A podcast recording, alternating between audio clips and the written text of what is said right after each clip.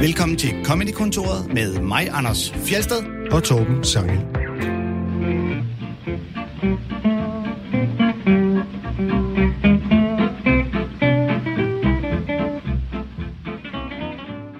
Vi fortsætter temaet med mindre kendte kvindelige komikere, og det gør vi i selskab med manden, der først lavede et show, der hed Guide til parforhold, og bagefter lavede skilsmisseshowet Ulige Uger. Han hedder Jakob Tingle. Velkommen til dig. Tak skal du have, Torben. Øh, jeg var meget begejstret for det her show, Ulige Uger, som øh, du optrådte med i 2014, og det udkom i 2015, tror jeg. Ja. Og siden da har jeg ikke set dig optræde. Er det, er det mig, der ikke følger godt nok med, eller at du øh, holdt op med at lave stand-up? Altså, jeg optræder på dark web, primært. Øh, Nej, Så hvis man har en øhm, Tor-browser, så kan man se øh, dit det, nye så show. kan man se det. Ja, der sker der virkelig noget. Øh, nej, jeg har faktisk ikke optrådt siden februar 2020. Øh, Det er lige inden, lige Okay, inden så du har optrådt frem til corona. Ja. Ja, Så ja. er du måske den eneste stand-up-komiker, der ikke har nogen corona-jokes. Jeg har ingen kronejokes. øh, og, og det var sjovt egentlig, jeg havde sådan mit sidste firmajob. Kender I corona? lige, lige inden de sådan lukker, begynder at lukke ned. Og måtte aflyse nogle jobs efter det. Og så øh, kunne jeg godt se, at det her det kommer til at tage lang tid. Eller det kunne jeg ikke se, det gættede jeg på. Og så begyndte jeg at køre alt muligt andet i stilling. Øh, som, som manuskriptforfatter. Og, øh, og det er gået rigtig godt med at få ting i gang. Ja, fordi du, udover at være stand-up-komiker, så er du jo øh, også i høj grad manuskriptforfatter, både til film og tv. Og Øh, aktu- ja. aktuelt i øjeblikket, ja. hvis man ser julekalender, så er øh, komediernes jul, har du skrevet, du, hvad kalder man det, episodeforfatter? Altså, vi var fem på holdet, og jeg skrev seks afsnit, og vi... Jenny Lund Madsen er hovedfatter, og har mm. fundet på øh, ligesom universet, og så har vi formet de, altså afsnittene sammen, kan man Okay. sige, hele vejen hen. Så det er hende, der har fundet på niserne. Øhm, Det er en bamse, Ja. der, der Ja. gerne vil have. nej, men nu, det, det kan jeg faktisk... Det tror jeg, det er. Jo, det Ja. tror jeg, det er, ja. Okay. Men ja, hvad- det må det være. Altså, det, det, det, det hele flyder sammen for mig. Der, der, der skete meget der i starten. Øhm, det må det være. Hvordan er det, altså, hvordan kan det være, du bruger mere? Er du træt af at lave stand-up eller hvad? Gider du ikke mere? Kommer du tilbage? Vi savner dig. Ja, tak, ja. tak. Jamen, øhm, jeg, jeg, jeg savner det ikke. Øhm, jeg har ikke nogen planer om at sådan, aldrig vende tilbage. Jeg har, jeg har en idé om, at en dag, så øh, støver jeg... Jeg har jo altså faktisk et one-man-show, næsten et helt one-man-show liggende, som øh, jeg har skrevet, som ikke er lavet nogen steder. Så du slet ikke har optrådt med, eller har du optrådt med del af det? Eller? Jeg har optrådt med dele af det, måske 45 minutter af det, eller sådan noget, rundt omkring på open mics, øh, inden coronaen. Og var godt i gang med at, at ligesom samle det der show, som handlede rigtig meget om øh, min far. Aha. Øh, og så skete der det ud over corona, at øh, min far gik hen og døde. Øh, og det ændrede mit syn på det materiale. Okay. Øh, ikke sådan, jeg tænkte, "Jamen, nu kan jeg jo ikke lave det, fordi at, så kan han jo ikke se det. Men, men øh, der var nogle ting, som faldt på plads i mig, som det, som var brændstoffet i det show.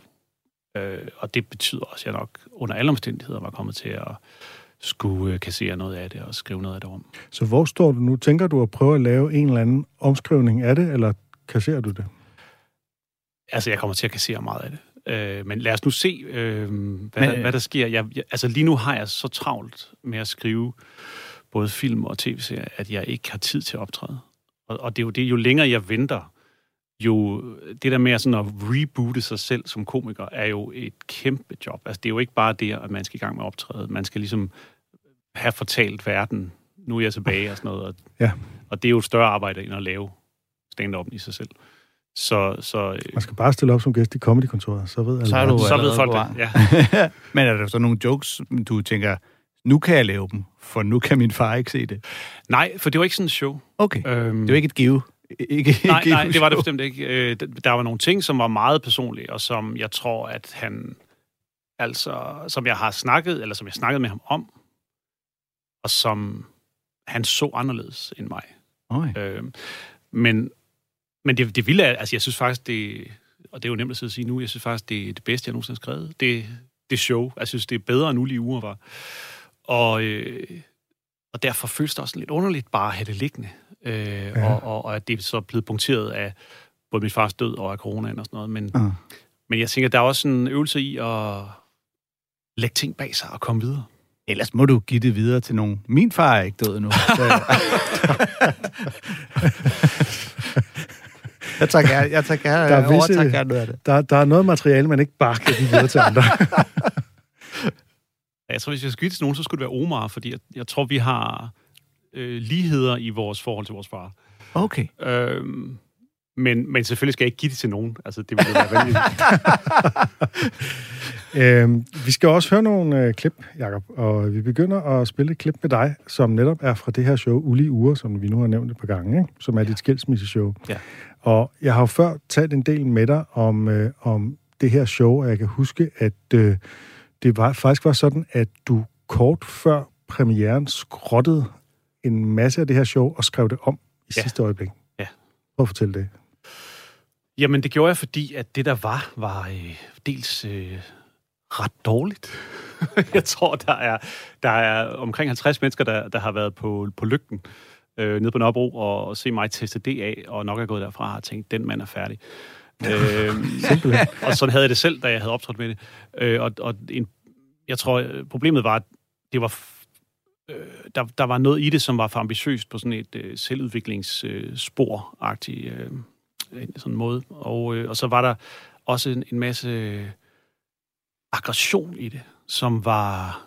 Altså, comedy har jo godt af aggression. Altså, alt comedy er jo smerte og vrede, der bare er omformuleret gennem øh, den her øh, overlevelsesmekanisme, vi kalder humor. Øhm, men det var, det var som om, at det var... Det fyldte for meget. Ja, så det, det blev for bittert Ja, mod, gjorde det. mod din ekskone, eller? Ja, det kan man godt sige. Ja. Øhm, Det, det, der Altså, jo- altså på, altså, eller også, jo, altså, det, det var så hende, altså det er jo projektion, man laver, når man, når man gør sådan noget, så, så men jo, øh, også på hende. Og, og i hvert fald så endte jeg med at stå med noget materiale, hvor jeg sådan prøvede at kigge på det udefra, og blive enig med mig selv om, øh, jeg har ikke lyst til at være den her mand. Altså, hvis jeg så en anden lave det her, så ville jeg have ondt af ham. og, og, og der var der fem uger til premieren. Og så, øh, jamen, så, så fik jeg travlt. Så, øh, og det, jeg synes også, jeg kan selv se, at showet, det der så endte med at blive ulige uger, bare præg af, at der nogle steder var øh, skudt nogle genveje. Men øh, det, er jo, altså, det er jo nok, at det er vigtigt, at man er i stand til at se, hvorvidt gør jeg det her kun, altså hvorvidt optræder jeg lige nu med det, jeg optræder med kun for mig, og hvorvidt er det, fordi der er nogen, der skal få en oplevelse og grine af det, ikke? Jo. Fordi det der med, når man nogle gange går på scenen med, nu skal jeg ud med det her, Ja. så er det ikke sikkert, at publikum får noget ud af det. altså, Sin vrede over håndværkere, for eksempel. Ja, hvis øh, man ikke venter længe nok. øh, men og der, der er det jo klart, at sådan noget break-up-materiale, for eksempel lynhurtigt, kan blive altså, jo enormt egoistisk, og noget, som publikum slet ikke har brug for at høre, før du ligesom har fået nok på afstand, til du også kan lave det sjovt nok. Det er rigtigt. Altså, og jeg, jeg tror, min, min, øh, mit formål med at optræde har altid været... Øh, og sådan, og, Kun for dig. Ja, jamen, altså, udgangspunktet har altid været kun for mig. Ja. Men, men med det ønske at øh, forbinde mig til de andre mennesker, dem, dem Mm. der så er i salen, og få, få skabt en eller anden form for... Øh, altså, en relation. Altså, øh, og, og, og, og opleve, at jeg kan kommunikere, hvordan jeg har det som menneske, på en måde, der er forståelig for andre mennesker, og dermed finde en form for sandhed i det. Altså, Ja. øh, og, og det, hvis man ikke gør det, så er det jo, eller hvis det ikke lykkes, så er det jo, fordi man ikke har kommunikeret det på en måde, som resonerer hos andre mennesker. Ja, ah, altså du er heller ikke for at misforstå, men når jeg mener, om man gør det kun for mig, fordi selvfølgelig står man jo op for sig selv, ja. Ja. men det er jo som regel med det formål, at jeg der kigger, I skal få noget ud af det her. Forhåbentlig at grine eller tænke over ting, ikke? Men hvis man kun går op, fordi man tænker, jeg har brug for at læse det her af på jer, ja. Ja. uden tanken om, at I skal også få noget af det, så bliver det en dårlig oplevelse for publikum. Vi kommer ind i showet, hvor du øh, skal i statsforvaltningen sammen med din hustru for at få reddet trådene ud. Jamen, vi kommer ind, vi møder vores sagsbehandler, Gitte. Gitte havde et billede af sin familie stående på sit skrivebord.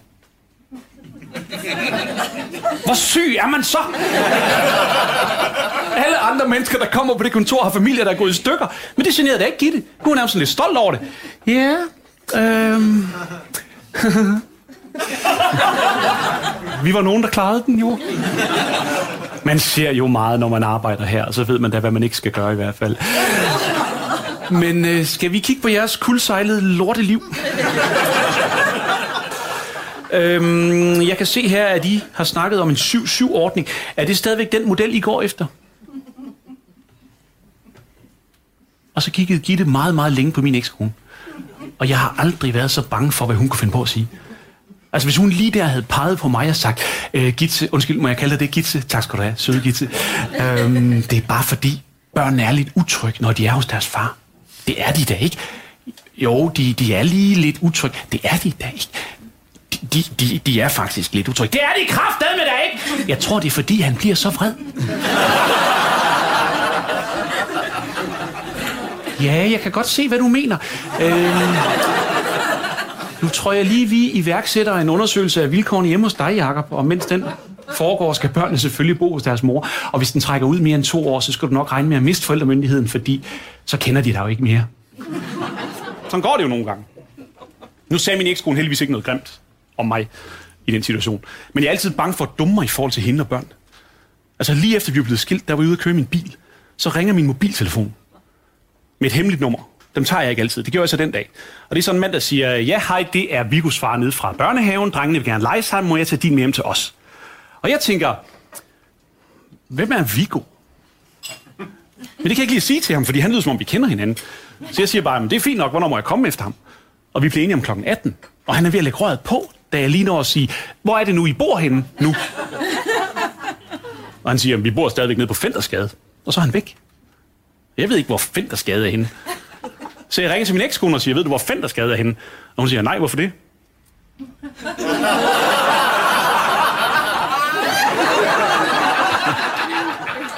Så lægger jeg røret på og slukker min mobil. Fik ikke lige at sige til hende, at jeg har givet vores barn til en fremmed mand. Hvem siger, der findes en Vigo? Vigos far, det kan være dæknavn. Det kan være en psykopat, der går ind på børnehaven og ikke lige tager andre menneskers børn, tjekker opkaldsnummeret på listen, ringer op til forældrene for at købe sig tid og nå hjem til Belgien med byttet, inden han bliver efterlyst. Tænker jeg på det her tidspunkt. Ikke så taster jeg Fenderskade ind på min GPS. Det skulle jeg have gjort til at starte med, det ved jeg godt. Men tænker bare ikke klart, når en søn er kidnappet. Jeg kommer der ned, det er sådan en lukket vildevej. Stiger ud af bilen, går rundt, kigger lidt ind i nogle af husene. Inde i en stue kan jeg så se en mand, jeg har set før, som vinker til mig. Det kan jeg. Vinker tilbage. Og han vinker mig ind, ikke? Og jeg kommer ind i entréen. Den første, jeg møder, det er min egen lille søn og en anden lille dreng, der kommer løbende med hver deres Lego-fly, sådan vildt glad. Indtil de får højt på mig, så stopper min søn op og siger, skal jeg allerede hjem? Begynder at græde og stikker af. Så kommer manden ud. Vigos far. Tænker jeg, jeg tænker, det er ikke et dæknavn. Længere. Det, det er der ingen grund til at tro, faktisk. Der var et andet barn også. Den er nok okay. Øh, han spørger, hvorfor jeg kommer så tidligt. Jeg kigger på mit ur. Klokken var 14.23. Og jeg overvejer at lyve på det her tidspunkt. Men så tænker jeg, nej, han er selv far. Han ved, hvor bekymret man bliver, når det drejer sig om ens børn. Så nu siger jeg det bare lige ud. Det er fordi, jeg ikke kender dig særlig godt. Øh, og så kan man godt få sådan nogle tanker. Og han siger, hvad for nogle tanker? øh, bare sådan nogle... Øh, Øh, var han ikke pædofil øh, tanker. Altså, jeg lægger op til, at vi kan grine lidt af det her sammen, ikke? Men han har ikke humor, den her mand. Han siger, er du klar over, at jeg er leder af kommunens center for familierådgivning? Og jeg synes, det er en meget alvorlig anklage. Og det er jo ikke nogen anklage. Det er som om, han ikke forstår, hvad jeg siger til ham. Så jeg tænker, nu er jeg nødt til at overdrive yderligere for at fremme forståelsen. Så jeg siger, nej, nej, nej, øh, det er jo også bare, det er jo mig, det er jo øh, øh, stemmerne i hovedet. Og han siger, jeg kan forstå, at øh, I lige er blevet skilt. Hvor meget har du egentlig børnene? Kan I han tror mig? Han truer min adgang til mine børn i kraft af sin fancy stilling hos kommunen. Så spiller vi jo hardball. Jeg er nødt til at give igen. Jeg er nødt til at sige, hvor mange pædofilianklager kan du holde til i din stilling? Kom, min dreng. Det er ikke et sted for dig, det her. Så kommer vi ud i bilen. Der er syv ubesvarede opkald fra min ekskone. Og jeg ringer til hende, hun siger, "Men du ringer til mig, så lægger du på, jeg kan ikke få fat på det. Jeg tænker, der sker en ulykke og en katastrofe. Typisk kvinder bare at køre ting op. Jakob, hvor meget af det her er sket i virkeligheden? Omkring 0. Øh, nej, altså hele, hele besøget på statsforvaltningen er jo Ja. øh, næsten en time. Havde hun et billede af sin familie stående? Nej, det havde hun ikke. Det havde hun ikke. øh, det var noget, jeg fandt på. Øhm, Men du havde den frygt, som ligesom er, er motoren i den. ja, og det var den, Den scene. jeg, jeg prøver jo på sådan at sætte scenen lidt hårdt, og derfor smider jeg et billede ind i ligningen. Øhm, altså det, som jeg altid gør, når jeg skriver comedy, det er, at jeg prøver at gå efter, hvad er følelsen inde bagved. Og så gør jeg alt, hvad jeg kan med virkeligheden for at bringe det frem, altså for at understrege. Øhm, og, og derfor øh, følelsen af, at ikke helt at vide, hvem ens barn er gået hjem med, er, er også reel. Øh, det har jeg prøvet. Den, øh. den tror jeg også, jeg kender. Og, og det var så bare at sige, hvor langt kan man tage den ud, og hvor langt kan man tage den ud i en skilsmissekontekst, fordi at hvis man er gift, og man ligesom er på hold sammen, det kan man også påstå, man er, selvom man ikke er gift, men, men, men det er bare et andet forhold, og normalt vil man jo ringe til sin kone og sige, øh, jeg kan simpelthen ikke huske, hvem Viggo er, og hvor er det, de bor han og sådan noget. Øh, men, men, men det er jo det der med de små ting, der ændrer sig i en skilsmisse, som øh, man først bliver opmærksom på, når man står i situationen. Ja. Øhm, så, så det var ligesom de følelser, jeg prøvede på at, at skrive det her på. Øhm, og det, nu synes jeg faktisk, det var, det, var, det var ikke smertefuldt at høre.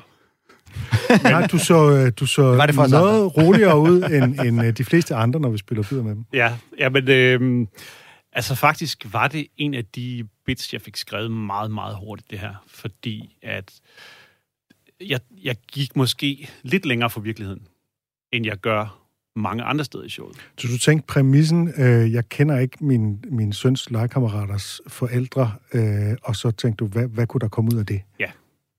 Og det du så også gør, det er, at du får fremstillet dig selv som den hysteriske, ikke? Altså, der kommer også sådan en ironisk øh, joke til sidst med, øh, at øh, øh, det er typisk kvinder, de er så hysteriske, ikke? Og det er jo dig, der er pilen peger på, ikke? Det er dig, der har været den hysteriske hele vejen gennem den her bid. Ja, og det er måske virkelig den pointe, der irriterer mig allermest. Fordi jeg synes, det er en meget, meget uoriginal pointe at bare kalde kvinder hysteriske på en sjov måde.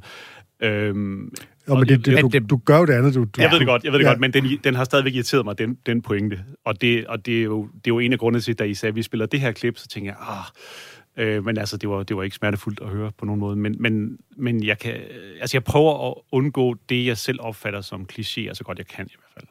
Om jeg synes jo, fordi jeg synes jo, den måde, den fremkalder en form for hyggeleri, er ja. Jo ikke uoriginal. Altså, det, det, der synes jeg, at den spiller meget godt. Altså, hvis joken reelt havde været en joke, der var bundet op på, at din kone var hysterisk, så kunne det have været lidt mere øh, hack måske. Ja. Men sådan som du fremstiller det, der er det jo nærmest en kommentar på lige præcis den form for... Klichéen bliver jo sat Kliché. i anførselstegn, ikke? Ja, det- det er den rigtigt. bliver jo i den grad afmonteret som en kliché, som du lige smider ind, men som er dybt utroværdig, ikke? Men Så i det den fordi- forstand, så spiller du ikke på klichéen, du ironiserer over den. Men, men, men det at ironisere over en kliché, er i min bog også allerede kliché Okay. næsten. Altså, men der, der kan man måske også snakke om en fagskade, ikke? Altså, Men øh, for jeg kan, jeg kan jo rigtig, rigtig godt lide, hvordan den spiller på den der angst, som, nu ved jeg, det er jo altså, to ud af tre her i studiet, der har erfaringer med at være skilsmisse. Indtil videre. Ja. oh, oh. Øh, det er også derfor, jeg lytter så godt efter, så jeg er på forkant med det. Øh, men den der angst, som jeg tror, rigtig mange fædre har for, at deres spoiler i forhold til børnene, de tæller på en eller anden måde dobbelt. Fordi der ligger hele tiden den der med, at, at det er mor, der har styr på det. Og hvis far er dummer, så er nu har han dummet sig igen. Ikke? Og det netop kan komme til at få den ekstra konsekvens, at det tæller med i regnskabet i forhold til, hvem der skal have børn og have lov til hvad. På en anden måde, end det gør, hvis det er den anden vej rundt. Gætter jeg på, og antager jeg. øhm, altså jeg, jeg, tror, jeg tror mere, det er en følelse hos mænd, ja. end det er Reel virkelighed. Altså, jeg, der må jeg sige, øh, der må jeg så rose min ekskone lidt. Det, det har ikke været reel virkelighed Nej. øh, hos os, øh, men, men jeg har stadigvæk haft følelsen. Ja. Og især i forhold til sådan en, en instans som øh, familieretshuset, som det hedder nu, statsforvaltning. Mm. Øhm, Jamen også fordi... har, har, ja, altså, der, der, er så mange, der er så mange fordomme, og der er også en masse historier, Ja. som jeg, jeg kender ikke nogen, der personligt har oplevet at blive øh, altså, altså, ulige behandlet derinde, men, men jeg har hørt rigtig mange historier om folk, der, der har oplevet der selv har oplevet at, at være blevet ulige behandlet derinde. Og historisk set, så er der sikkert også en vis, et vist belæg for, at der har været en masse idiotiske fædre, der ikke har givet at tage et svar for deres børn. Ja, det er jo svært at vide, for det er jo virkelig sådan et eller andet. Øh, det er jo virkelig et minefelt, det der. Det er jo, Ja. ja. altså, det er jo forfærdeligt med de der skilsmisser. Ja, det er jo meget inspirerende show for mig. Jeg blev jo skilt øh, et halvt år efter og fik barn i ulige uger, ikke? Velbekomme. Og øh, det var nu en, en ret øh, smertefuld skilsmisse, og vi var ikke i statsforvaltning. Vi klarede den over borger.dk, ikke? Men, ja. øhm, og de prøvede ellers at leve op til guide til parforhold, alt hvad de kunne, men det show har så åbenbart ikke været godt nok. Nej, det, det, det virkede ikke. øhm, hvad hedder det? Men det er jo aldrig sjovt at blive skilt. Altså selv, selv en, en mild skilsmisse er jo bare hård. Og, og hele den identitetskrise, som jeg synes, du så godt beskriver, og som jeg også her, du er ude af balance i den her scene. Ikke? Ja. Man er simpelthen man er lidt i chok, når det sker, når ja. det rammer en. Ikke? Ja. Og, og det, er jo, det var også det, I jeg prøvede tid. på at tage fat i med showet, fordi vi havde egentlig, altså sådan helt praktisk set, havde vi ingen grund til at, at troppe op i statsforvaltningen. Øh, men, men fordi der var så mange følelser på spil, øh, at sådan nogle ting, man ville kunne snakke om helt stille og roligt, hvis man var gift stadigvæk, øh, det, det røg ud af proportioner, så der var brug for en eller anden form for, øh, altså det ender jo med ikke at, ikke at være en, en mailer, fordi når man så sidder derinde, kan man jo godt mærke, vi snakker jo bare sammen.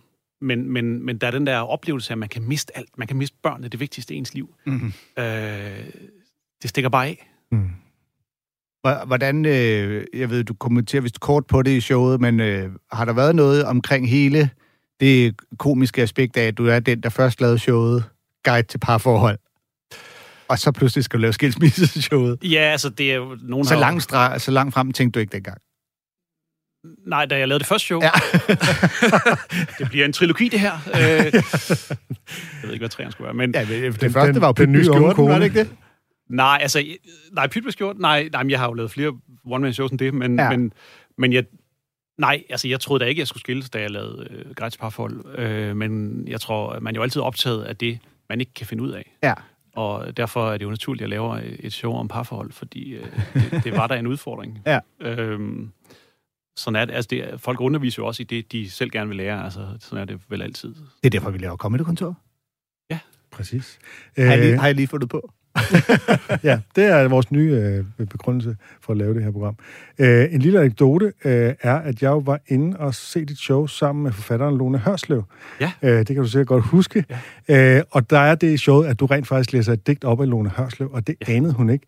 Så, så øh, det var virkelig mærkeligt, øh, især for hende jo, at sidde der og lige pludselig øh, regner med at skulle ind og se et stand-up show, og lige pludselig så, så, øh, så læser du simpelthen et digt af, af, af Lone op.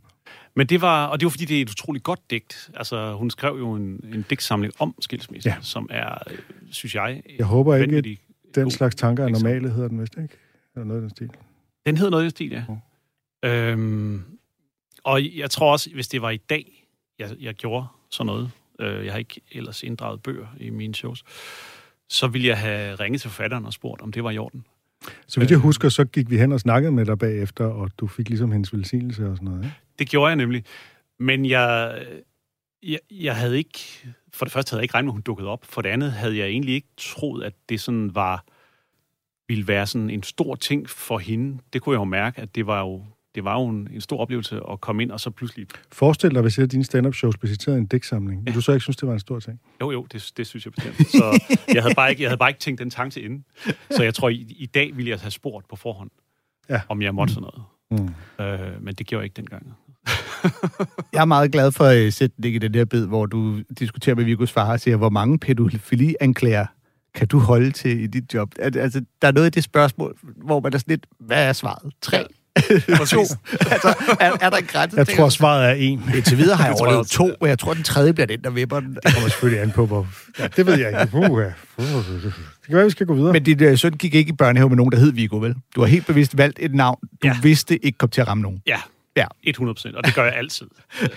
jeg, jeg har lavet det sammen med min datter, hvor jeg netop skulle lave noget med en dreng fra hendes klasse, hvor jeg var sådan lidt, jeg skal huske at sige Markus, for jeg ved, der ikke er nogen Markus i den klasse. Når man ikke der havner i, oh shit, jeg kom til at sige, Og næste dag kom der en ny dreng i klassen, og han. Markus. ny joke. Øhm, du har taget to klip med, Jacob. Øh, som det sjoveste nogensinde, der har du valgt et klip med øh, Monty Python, som jo øh, er på, på manges liste over det sjoveste nogensinde. Hvad betyder Monty Python for dig? Ja, altså det er jo næsten arkeologi, det her. Øh, og og, og, og øhm, det, Monty Python har betydet for mig, øh, det, det var, at da jeg var en øh, meget, meget lille dreng over i Jylland, øh, som øh, følte, at... Øh, Har du været lille? Altså jeg har været fysisk? Lille. Ja, men det, altså, jeg, havde, jeg, jeg var sådan lidt en, en loner. Altså, jeg, jeg gik op i andre ting end alle dem, der boede omkring mig. Det var ikke ret mange, fordi det var langt ud på landet. Øhm, så, så da jeg opdagede Monty Python, så var det sådan en åbenbaring. Det var sådan, wow, det her, det er sjovt. Altså, og, øhm, og jeg tror, det jeg godt kan lide ved dem, er, at det er så åndssvagt. Altså, at, at de bare har sagt, her, øh, altså vores statement, det er formen. Øh, vi gør det ligesom for lejens skyld. Altså, og, ja. og, og det, det kan jeg godt lide. Er det en inspiration, når du skriver manuskripter til film og tv? Nej, det er det ikke, fordi jeg synes, at det hænger også øh, helt utroligt meget på leveringen, det de laver. Altså, altså hvis man så det på tekst, de har også skrevet virkelig gode ting, altså, øh, men, men meget af det, hvis man ser deres serie, er jo også bare ren gag. Altså, øh, at det, det er så meget begavet, men, øh, men det, var, det var simpelthen en fasong, jeg bare elskede. Ja. Altså, for det jeg kendte, i, altså, og al respekt, men det var jo, mine forældre sad og så linje 3, eller øh, det, det var bare fedt. Her kommer noget andet, ikke? Vi skal høre den sketch, hvor Michael Palin er en mand, der kommer ind på et jobvejledningsbyrå og øh, håber at finde et mere spændende job. Og jobvejlederen, det er John Cleese. Ah, Mr. Uh, Anchovy. Do sit down. Right, thank you. Take the weight off the feet, eh? Yes. Lovely weather for the time of year, I must say. Enough of this gay banter. Now, Mr. Anchovy, you asked us to advise you which job in life you were best suited for. That is correct. Well, I have the results here of all the interviews and the aptitude test that you took last week, and from them we've built up a pretty clear impression of the sort of person that you are. And I think I can say without fear of contradiction that the ideal job for you is accountancy. Oh, I am an accountant. Jolly good. Well, back to the office with you then. No, no, you don't understand. I've been an accountant for the last 20 years. But I want a new job. Something exciting that will let me live. but accountancy is quite exciting, isn't it? Exciting? No, it's not. It's dull, dull, dull. My God, it's dull. It's so deadly dull and tedious and stuffy and boring and desperately dull. I can't stand it any longer. I want to live. Well, yes, Mr. Angery, but you see, in your report here, it says that you are an extremely dull person. Um, our experts describe you as an appallingly dull fellow, unimaginative, timid, spineless, easily dominated, no sense of humour, tedious company, and irrepressibly drab and awful. And whereas in most professions these would be considerable drawbacks, in accountancy they are a positive boon. Yes, don't you see? I'm only as awful as this because accountancy does this to people. Can't you help me? Well, do you have any idea of what you want to be? Yes, yes, I have. What is it? A lion tamer. Yes. of course, it's a bit of a jump, isn't it? Accountancy to lion taming in one go. You don't think it might be better to work your way towards lion taming, say via banking or, or insurance? No, no, I don't want to wait. No, I want to start immediately. Tomorrow morning at nine. I want to be in there. Taming. Yes, but uh, what qualifications do you have? I've got a hat. A hat. Yes, a lion taming hat. A hat with lion tamer written on it. And it lights up saying lion tamer in big red neon letters. So you can tame them after dark when they're less stroppy. I see. And during the day, you can switch it off and save electricity. And you can claim it as reasonable wear and tear under allowable professional expenses under paragraph 335B. Yes, yes, yes, I follow. But you see, uh, the snag is, if I now call the circus and say to them, look here, I've got a 45 year old accountant with me who wants to become a lion tamer, their first question is not going to be, does he have his own hat? They're more likely to ask what experience you've had with lions. Well, I'll, I'll see them at the zoo. Good. Yes. Yes, little brown furry creatures with short, stumpy legs and great long noses. I could tame one of those. I don't know what all the fuss is about. Look pretty tame to start with. And these lions, um, how high are they? oh, about so high. They don't frighten me at all. Uh-huh. And uh, do these lions eat ants? yes, that's right. Well, um, I'm afraid what you got hold of there, Mr. Angery, is an anteater. A what? An anteater, not a lion. You see, a lion is a huge, savage beast, about ten foot long, five foot high, with masses of sharp, pointy teeth and nasty, long, razor sharp claws. And it looks like this. Now, shall I call the circus? No!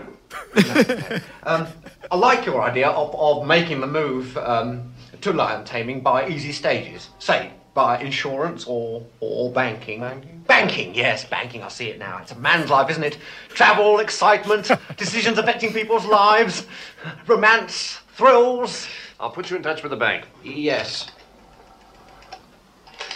Uh, probably. Probably. You know, um, I'd like a couple of days to think about it because it is a big decision, uh, or, or maybe maybe a week at most. You know, but I do want to make this decision uh, to be the right one. Uh, I'd like to do banking, obviously, but I'm not It's sad, isn't it? as yet. It might be But this is what accountancy does to people. like to do it, just wait a The only way that we can fight this terrible, debilitating social disease I only want to be famous. I only want to see my name in lights. Ja, vi går ud. Den, det er jo som, som tit, så tit i Flying Circus, så er der en, en glidende overgang til en, en anden sketch og så videre. Ja. ja der Øhm, kommer en fe alt muligt. det bliver helt Ja, ja, ja. Erik Eile kommer ind som en, en fe.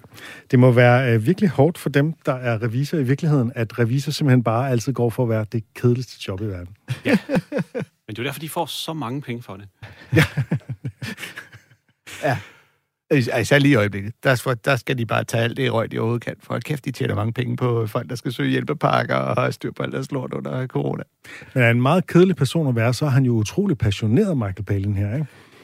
Jo, ja, ellers ville det også være Næsten en så meget, så, ja, Altså, ja, jo, jo, ja. det er rigtigt nok, men det er, fordi han vil virkelig, altså han er virkelig sådan, øh, også bare i sin beskrivelse af, hvor kedelig øh, det- revisorarbejdet er, der er han også virkelig passioneret, hvor man tænker, okay, det er sådan tæt på, han, han overspiller det sådan helt. Men de overspillede jo helt vildt. Ja, ja, ja. Men det er jo bare sjovt, man skulle, det, det, er bare, det kommer til at, at lidt, en lille smule at modsige øh, ideen om, at han skulle være så kedelig, ikke? Nå, ja, men det er faktisk rigtigt. Altså, men, men man kunne jo også se det som desperat. Altså, nu har han siddet der i 40 Fuldstændig, 20 år. og det er, det er jo det, der er, det, det er jo selvfølgelig det, der er meningen. Det var heller ikke meningen, det var ikke nogen sådan stor kritik. Jeg synes bare, det slog mig bare lige, øh, at det er bare sådan en sjov kontrast, ikke? Men han vil jo være myreslud til mig. Ja, hvad synes det er? Ja, den store kontrast er jo selvfølgelig mellem revisor og løve til mig, ikke? Øh, Ja. Men, og det, men, øh, og det, det snakker vi jo tit om her i programmet, at i sådan nogle sketches, der skal man jo helst have lavet en eller anden form for konflikt, eller kontrast, eller modsætning. Og der har de jo simpelthen, altså, løvetæmmer og revisor, det er det længste fra hinanden, man kan få rent jobmæssigt. Ja. Så de bygger sketchen op omkring i revisor, der vil være noget andet. Så vil han være det mindst revisoragtige, der findes. Ja. løvetæmmer. Og så fylder de alt det i midten ud derfra. og så ikke? ideen om, at man ligesom sådan gradvist kan, altså ligesom man, man sådan gateway drug, ikke? Altså man kan gå via øh, bank og forsikring, og så kan man sådan arbejde sig hen imod løve til mig, ikke? Ja. Mere og mere spændende jobs, ikke? Øhm, Og så topper den op jo, altså så topper de jo helt sketchen op med at fyre der er så stor en idiot, han ikke ved, hvad en løve er. Ja, det er virkelig, virkelig dumt. Ja, det skriver selvfølgelig en myrslu. Øhm, men bare sådan, John Cleese's uh, timing, da, da han siger, at han vil være løve til mig, øh. Ja. så bare den der, I see, eller hvad det er, han siger, ikke? Yes, eller I see, Right. eller et eller andet. Eller right. eller Ja, ja, andet. ja.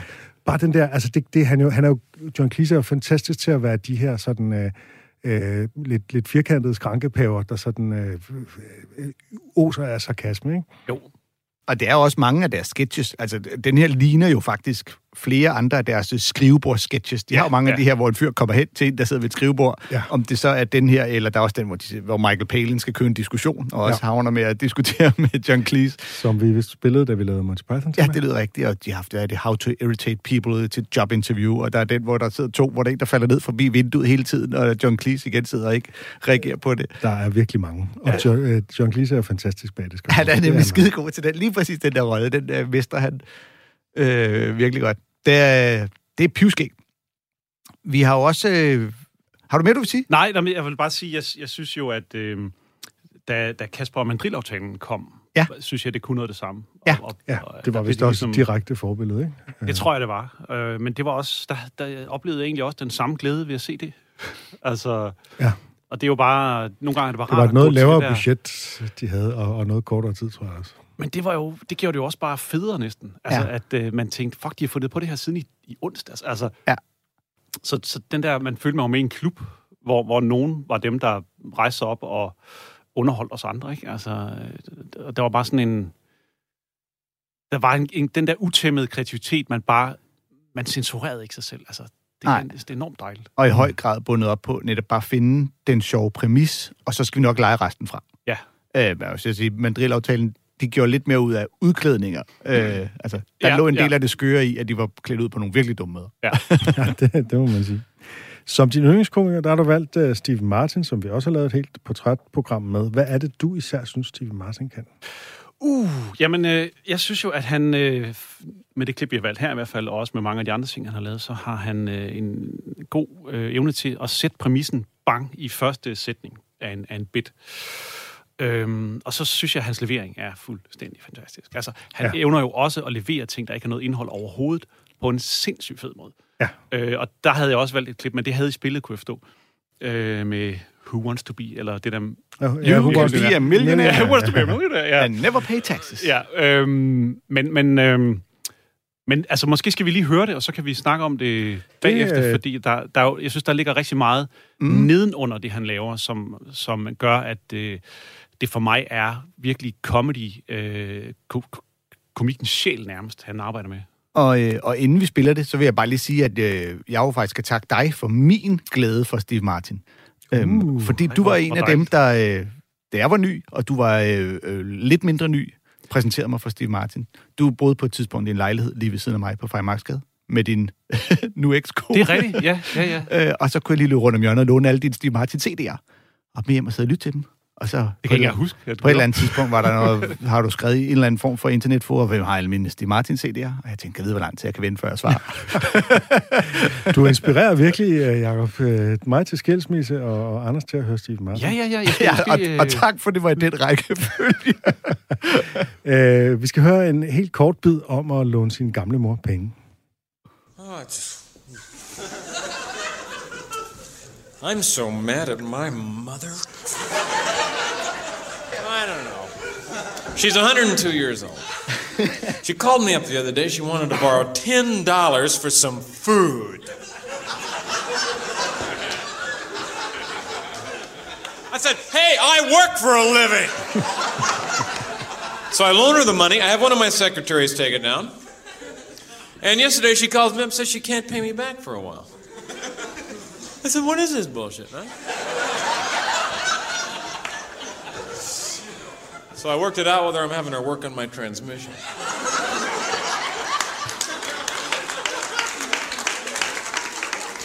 And if she can't fix that, I'm having her move my barbells up to the attic. The whole thing. Ja, sikke en uforskammet mor. Ja. ja, men det er jo, jeg synes, altså, han sætter præmissen i første sætning, ikke? Og, øhm, og så er det jo bare meget klassisk komedie med at bygge op, hvor meget han egentlig har. Altså, han er, øh, lever til synligheden et øh, dekadent liv med mange sekretærer og masser af barregninger, og, og alligevel øh, bliver han vred over, at moren skylder om 10 dollar. øh, det, er jo, det er jo meget livet af landevejen. Jeg synes, det, der ligger nedenunder, det er det der med, at, og det synes, sådan synes jeg faktisk, det er med mange af hans ting, øh, han er vred på sin mor. Og det er jo noget, der resonerer hos rigtig mange mænd, øh, bevidst eller ubevidst måske. Det der med, at det, det, det sår, du har med for, for din barndom, er typisk et modersår. Så han taler ind i noget arketypisk. Øhm, og i det her show har han faktisk øh, senere en bid om, at han har svært ved at møde piger. Øh, og han har en bid om, at han skyder sin kæreste. Øh, og det, det lig- altså, nedenunder det show ligger der jo bare en græst tragedie nærmest, som han aldrig adresserer. Han fortæller heller ikke, hvorfor han er vred på sin mor. Han taler bare om følelsen. Øhm, og så kan man sådan følge det her menneske, som jo har super problematisk forhold til sin mor.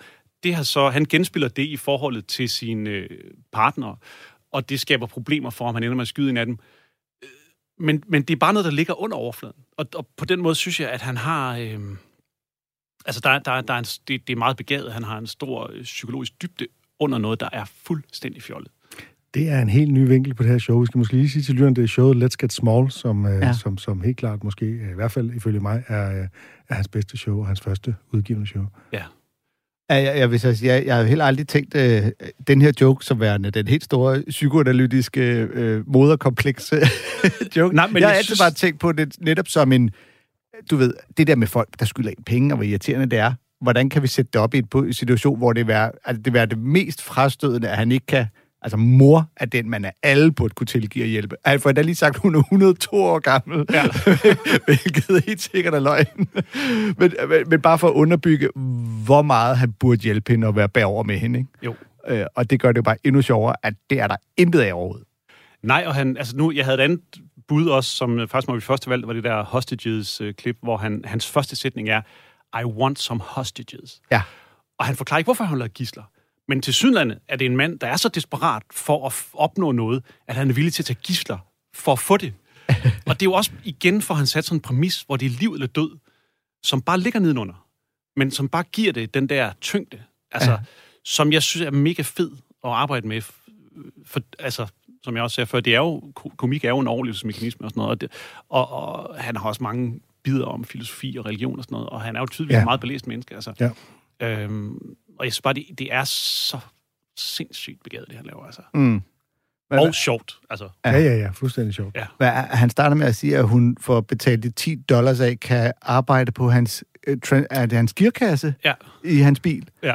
Hvilket jo også er sjovt som eksemplet på det mest forkerte, du kan få din mor til at klare for dig. Ikke? Ja. Altså, hvor alle andre vil, som, så må hun gøre rent, eller vaske mit tøj, eller whatever, men så må hun ud i garage og lave, øh, og du ved, reparere min bil, øh, gearkassen er galt. Og der bliver byttet om på mors-søn-relation ved, at det er ham, der siger til hende, at altså, vi er nogen, der arbejder for, for føden, ikke? Ja. Altså, Jo, jo, jo. at komme i gang, din dogne 102-årige kvinde. Ja, på den måde er han jo også, altså, det er jo også absurd, ligesom Monty Python, altså, han, han, mange af hans jokes, altså, jeg kan huske, han har også en bid om, hvor, at han, han er blevet rig, så han bruger penge på dumme ting, og han så ramser op, I bought a fur sink, og man tænker, I bought a gasoline powdered turtleneck sweater, altså, øh, det er bare sådan nogle billeder, Ja. som er lige så skøre, som noget Monty Python kunne have fundet på, men han får det bare leveret sådan, så nonchalant, at ja, det næsten virker naturligt. Altså, det, det, det Mm. synes jeg er enormt smukt. Ja, samtidig med hele hans stage-persona er, virker lidt som den her karakter. Altså, så man tror jo ikke rigtigt på, at det er ham. Det underbygger hele det der craziness, fordi han står og sådan lidt... Han har hele tiden sig selv ud i strakt arm på en eller anden måde. Øh, man tænker, det er jo ikke sådan, du er, når du ikke er på scenen. Altså, han er hele tiden en parodi på en, på en eller anden måde. Ja, ja eller en Han forstørret har udgave også af en sig selv. ballon ikke, på hovedet i det her show og sådan noget, ikke? Og en falsk næse og sådan noget, ikke? Så der er sådan... Han, han, har, han har ret stor distance. Øh, hvor gerne du end vil lave det til sådan et, et meget psykologisk show, så, øh, så er der meget sådan distance i hele, til hele hans øh, personer også. Og sådan noget, ikke? Jamen, jeg sådan ser jeg det faktisk ikke. Jeg, jeg ser det mere som, øh, som en mand, der har været nødt til at fylde nogle ting på, for at nå ind til det sted, hvor han kan fortælle fra. Og så har, og så har han forstået det. Øhm, men det er jo... Det, er jo, det, er jo ikke, det betyder ikke, at det, jeg siger, er rigtigt, og det, du siger, er forkert, Torben. Nå, men jeg synes, det er virkelig interessant. Altså, jeg synes, det er en virkelig, jeg, har, jeg har ikke tænkt på det Nej. på den måde. Øh, det vil jeg, det vil, jeg vil simpelthen høre det igen, og så simpelthen tænke, tænke lidt, øh, Psykoanalysen ind i tænke det. psykoanalyse. Øh, Det er nu dansklæreren kommer og siger, men alle fortolkninger kan jo være rigtige, hvis de er rigtige for dig. Nej, sådan en dansk havde jeg ikke. Det er sådan, at man får lyst til at udfordre og sige, okay, vil du give mig ret i det her, jeg finder på nu? Ja, men det skal man da også. Ja. Øh, Jamen, hvis du kan argumentere for det, så er det jo nærmest det, det hele øvelsen er, øh, ud fra deres synspunkt. Skal vi, øh, skal vi kaste os over øh, ugens tema? ja, nu har vi jo øh, Part talt, to. talt en masse om mænd og sådan noget. Nu skal vi, øh, nu skal vi have gang i nogle kvinder. Ja. Sådan. Vi, øh, I sidste uge, der var, synes at vi jo et øh, tema, der ligesom handlede om at spille nogle øh, sjove kvindelige komikere, som måske ikke er nogen, du lige har hørt om før. Ja. Øh, en form for anbefalinger, og øh, du ved, ud af boksen, øh, se hvad der findes derude. Øh, mest af alt for at børste alle de der, hvorfor er der ikke flere kvinder? Hvorfor spiller ikke nogle flere kvinder? Anklager, som vi er træt af. Og øh, fordi vi øh, aldrig når så langt i vores tema, som vi ønsker, så har vi faktisk nogle, vi ikke fik spillet sidste uge. Og øh, i den uge, der har vi jo, kan vi jo så spille nogle af dem. Skal vi starte med Bonnie McFarlane? Det skal vi nemlig. Hvem er Øhm, hun, Anders? Jamen, øh, hun er en øh, kanadisk-amerikansk øh, kvindelig komiker, der øh, startede i Vancouver øh, og er gift med en anden stand-up-komiker i øvrigt, øh, Rich Voss, øh, som øh, i øvrigt var ham, der i sin tid fik Patrice O'Neill med i Opie and Anthony Show, øh, som han var meget in, øh, involveret i. Øh, hun lavede et show, der hedder Bird Calls, som man kan høre på Spotify, som jeg synes er pivhammerende skægt. Og vi skal høre en bid af det her. Thank you for coming, everybody. Um, I just I want to start with this because it's you know as a as a female comic, it's been a long, hard road, and uh, not every club has been amazing, but this club is actually fantastic, and I can't believe I have to say this, but not all clubs are like this. But this club pays its female comics exactly the same amount of money that they pay their male male comics. So, yeah, yeah. I don't know if that's true. They make me say that. he said, if you don't say that, we'll rape you. So, ah. I say it. I say it. I, I do what I'm told. it's an honor to be working here. Thank you so much. I actually get paid a lot less. Um, no, I'm doing I'm doing fine. I'm doing great. I actually kicked a pretty serious clothes shopping addiction, and uh, yeah, it was I had like you know full carts all over the internet. It was bad, and I went a whole year. I went a whole year without buying one single item of clothing, which was very difficult to do. I mean, a clothes shopping addiction. I mean, say what you want about methamphetamines, but. a clothes shopping addiction, I think, is the worst addiction to have, you know, because when you finally hit your bottom, you look amazing. you look so good. when you finally get clean, people are like, oh my God, what happened? You're like, I know, I got better. it sucks. It's just hard to know the right thing to do all the time, isn't it? It's just like texting and driving. I hate when I hear people say, I only do it once in a while. To me, that's the kind of thinking that gets people killed. To be good at something, you need to practice. You got to do it all the time. On ramps, off ramps, challenger. You need to put in 10,000 out. Sometimes I just look at somebody and they're just driving. I'm like, what the fuck are you doing? Get on your device. Lives are at stake. Stupid. No, I'm an atheist, so on the road, I don't care. I'll I'll just take you out. No. There's nothing to stop me. I, I, I, am an atheist, and um, I didn't tell people for a long time because I was scared of the backlash. You know, people are kind of mean sometimes. Like when people asked me, you know, what what religion are you? I would just lie. I'd just be like, I'm Muslim, you know, to avoid all that negativity.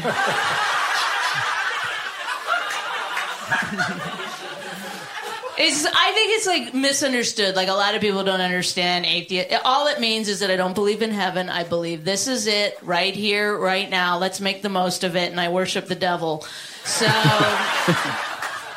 I will get everything I want. I think I'm the same morally. You know, I'm the same as everybody else. I feel like you know. I mean, I I guess the only difference, and this is so stupid that I even bring it up, but if you sneeze, like I don't say God bless you, I go gross. Get away from me. I have one life right here, right now. I'd like to do it without your snot all over me, if that's possible. Jeg synes virkelig, der er mange øh, sjove øh, ting i det her. Hun, har, hun er virkelig god til at finde nogle gode præmisser ja. for jokes, ikke? som virkelig bare er bum. Altså, det, det er godt tænkt. Ja. Det er i hvert fald en, øh, en virkelig god øh, bait, hun får lagt der lige i starten, ikke? Med at det ja. dejligt sted. Først så tænker man, okay, endnu en, der står og roser sit publikum og det sted, hun er, og bla bla bla, og skaber god stemning og sådan noget, ikke? og så ryger den lige i modsat retning, ikke? Ja. Øh. Også fordi twisten er så uelegant, så bare, ej, jeg løg. det gør de slet ikke. De jo, men så kommer der jo mere på, ikke? Ja, ja. Fordi uh, de, har, de, har, de, de tvinger mig til at sige det, for ellers så vil de voldtage mig, ikke? Så ja. den går stik modsat retning, ikke? Det, det er i hvert fald ikke mange kvindelige komikere, der åbner deres show med en voldtægtsjoke. Øh, sige. Det, Nej, det kræver noget mod. Men øh, jeg, jeg synes, hun er skæg. Hun har mange, øh, mange sjove ting undervejs. Og præmissen om, at, øh, at tøjafhængighed er ligesom den, den værste øh, form for afhængighed, ikke? fordi man, man ser bedst ud, når man har det værst, den, øh, den synes jeg også er virkelig god. Ja. Og hele ateisme-joken, altså sammenligne ateisme med muslimer, og, og øh, altså øh, den her idé om, at, at hun... Øh, øh, hun, hun kan godt forstå, hvordan de religiøse har det, fordi hun følger også blindt sin GPS og sådan noget. Var den overhovedet med i det? Nej, den kommer ikke med her. Den Nå. kommer lige bagefter. Nå, for sådan. Okay. Og Nå, det er en den god troede, joke, jeg var en del. Ja, det er altså en god joke, ja. faktisk. Fordi den, den, øh, den ligesom, det er sådan en, en form for, for tag på det her, som, øh, ja. som er ret god. Men det er rigtigt, den var faktisk ikke med i det her klip. Men så, nu fik jeg den da så nævnt i hvert fald. Ja, ja det, er, det er noget hvis med... man ikke er religiøs og vil forstå, hvordan religiøse har det, så skal man bare tænke på, hvordan man følger sin GPS. Ja, ligesom de følger deres øh, religiøse tekster blindt, så følger hun GPS'en ind, til hun til sidst ligger i bunden af en flod. Og, siger, og der er jo nu der er en masse religiøse, der vil reagere på det. Det er selvfølgelig fundamentalisme, hun uh, tænker på her. Ja. Kendte du hende i forvejen? Øh, Nej, Tingleff? jeg kender hende ikke. Altså, og jeg kender ikke ret mange komikere. Jeg ser ikke særlig meget stand-up. så så øh, Den perfekte det har gæst, ikke noget med at det gøre, at hun er en kvindelig komiker. Det er bare i det hele taget. Men jeg synes, øh, hun var virkelig, virkelig god. Ja. Og jeg synes, hun havde en utrolig dejlig Hun er heller ikke super kendt, altså. Øh, så nej, det- jamen, I er jo nu gode til at finde de der... Det er, jo præ- det er jo præmissen for temaet. Ja. Simpelthen. Ja. Øh, men det er jo, jeg, elsker, at hun har... Altså, det er kønsdiskrimination, det er afhængighed, det er religion, det er nogle store ting, hun tager fat i. Altså, det, det, sådan noget vil jeg hellere høre, end en, der står og joker om sit køleskab eller sådan noget. Mm. Øh, og det synes jeg var enormt dejligt. Og så Hvad mindre det er Brian Regan, for så er det sjovt. Men, men jeg er ikke, altså, hvis folk kan levere det, så det, kan alt jo blive sjovt. Øhm, Ja. men, men meget, altså det er jo observations, det er jo, og en god sådan dreven tilbagelænet øh, attitude, synes jeg altid er dejligt på observationskomik. Ja, og hun, øh, hun får også lige øh, twistet den der øh, med, øh, altså en god twist på, at det er farligt at sms'e, når man kører. Og folks undskyldning er, jeg ja, gør det, det kun en gang imellem. Ja. Så twistede jo meget elegant i, du skal gøre det rigtig meget. Skal ja. lægge 10.000 timer i det, ikke? Ja. Øh, hvis du skal tekste, mens du kører, så skal du virkelig gøre det meget. Så, så det er ikke nogen undskyldning, du kun gør det en gang imellem. Det minder mig lidt om en observation, øh, jeg har på et tidspunkt gjort mig om, hvor jeg hørte et sted, der de sagde, at hvis du øh, sms'er, når du kører, så, minder, så svarer det faktisk til at køre, når du er fuld. Altså at køre øh, påvirket af alkohol. Hvor min første tanke var, så kan jeg jo sagtens køre, når jeg er fuld. For, fordi jeg har da tit kørt med til og der har ikke været noget problem i. så, så hvis Det er den samme joke jo. Det er stort set Ja. den samme øh, joke langt hen ad vejen. Ikke? Øhm, så lad os da bare... Øh, I skal da ikke fortælle os, at det er lige så lidt farligt at køre fuld, som det er at køre Det er ret farligt at køre, når, mens man sms'er, ja. Anders. det ved jeg jo godt. Altså jeg er faktisk engang blevet påkørt af en mand, der sad på sin telefon. Ja. Altså øh, bare sådan i, i en kø, Ja. øh, hvor han bare smadrede bagkofangeren. Øh, Han prøvede men- at finde Fendersvej. Men det var tydeligt, at han sad med den, for jeg kunne se ham komme sådan, og han sad sådan her, og så fik han lagt den fra sig lige hurtigt, og så kom han ud, øh, og så stod vi og udvekslede forsikringsdetaljer øh, og sådan noget, og så siger han, Jamen, det er simpelthen, fordi jeg har fået nogle nye briller. Altså, der er noget med afstandsbedømmelsen, og det er jeg rigtig ked af. Og du havde set, at han jeg sad havde på set, at han telefon. sad Ja, telefon. ja, ja. Og han var så flov over det, og det var sådan, ja, altså, så, så lad dog være. Altså, stod dog ved det i det mindste. Altså. Ja. De der briller, der gør, at du ikke kan se teksten på din mobiltelefon ordentligt. Ja. Men det er sikkert, jeg tror, hvis man... Det var nok, fordi det ville være et problem for ham i forsikringsøje med. Hvis der stod i papirerne, jeg sad Ja. med min mobiltelefon, Ja, så tror jeg Med ikke... god øh, grund. Med god grund, ja. Ja. Men du kaldte dem ikke ud på det? Så jeg kunne da se, at du sad med din mobil, din idiot. Nej, det gjorde jeg ikke. Han var også lidt rystet. Ja. Og du kunne også være ligeglad. Det var hans forsikring under alle omstændigheder. Ja, ja. Der er, så, der var ingen grund til at trække den længere. Jeg skulle bare videre. Men er vi simpelthen nået i en situation, hvor vi kun når at anbefale en kvindelig komiker? Er, er, vi, er vi... Har vi snakket en time, eller hvor lang tid? Ja, vi er faktisk lige ved Øh. runde... Øh, Det er 52 minutter indtil videre. så øh, ja, fordi at, øh, vi ville jo også gerne have haft spillet noget Erica Rhodes, men øh, det, det må vi så gemme. Det må Altså, altså, I, I, I, I siger simpelthen, at jeg har gjort mig skyldig nu i kønsdiskussion, fordi jeg har snakket for meget. Det er direkte. Der- De kommer og tager dine børn i morgen. Jamen, der er jo, det er jo en MeToo-sag, det her. Altså, typisk mænd bare at snakke og snakke og snakke. Ikke? Her kommer jeg, nu kommer jeg, nu skal I høre på mig. Ikke? men det vil jeg da gerne beklage allerede nu, og sige undskyld. skal du og, ikke. øh, Det er derfor, vi har inviteret dig ind. Det var, fordi vi gerne vil snakke med dig, Jacob. Og det er så fint. Og vi når bare de klip, vi når, og det, så øh, samler vi op en gang imellem på dem, vi ikke når. Så er det. Det er bare, fordi vi altid starter programmet, som om vi har to timer. Vil jeg sige. Og Vi kan gerne nå alt det her. Ja. Ja. Og øh, i, i løbet af hvad, snart to år har vi stadig ikke helt fanget, at vi når ikke Nej. altid det. En gang vi er løbet tør for klip. Ja. Hvem var det, I havde inde der? Det var Sebastian Dorset. Sebastian, som har så meget at sige. Ja, men jeg tror, han bare var lidt kortfattet, eller utrolig præcis den dag. I hvert fald så, da vi havde spillet det sidste klip, så kiggede vi på hinanden, og så begyndte vi at padle. Og så er der også nogle gange, hvor de klip, vi har valgt, måske ikke er var fem minutter, som alle de klip, vi har spillet i dag har været, øh, hvis man kun har taget et klip, der var et minut hver. Og nu sidder vi og evaluerer på vores eget program Ja. ja. live ja. I radioen. Det er måske øh, os øh, et tegn på, at vi skal sige tak. øh, tak for i, i dag. Tusind tak, fordi du kom, Jacob Tinglef. Det var en stor fornøjelse. Mange tak, Det var fordi det. Mig. Vi håber, vi snart ser dig på stand-up-scenerne igen. Ja. Øh, Tak. det, det vil vi meget gerne. Men enten du taler om din far, eller om noget helt andet. Ja. Eller din mor. Det kan du også. Jeg synes Ja, ikke, at du skal lave Det kønsdiskrimination på den baggrund. øhm, ellers kan du lave et guide til parforhold par 2.0. Ikke? Ej, Re, the reboot. aldrig gå tilbage til en. Øhm, som altid slutter vi med et citat, og jeg har fundet et godt et af Steve Martin, nu vi har haft ham på banen. Øhm, han har sagt, I thought yesterday was the first day of the rest of my life, but it turns out today is. Sådan.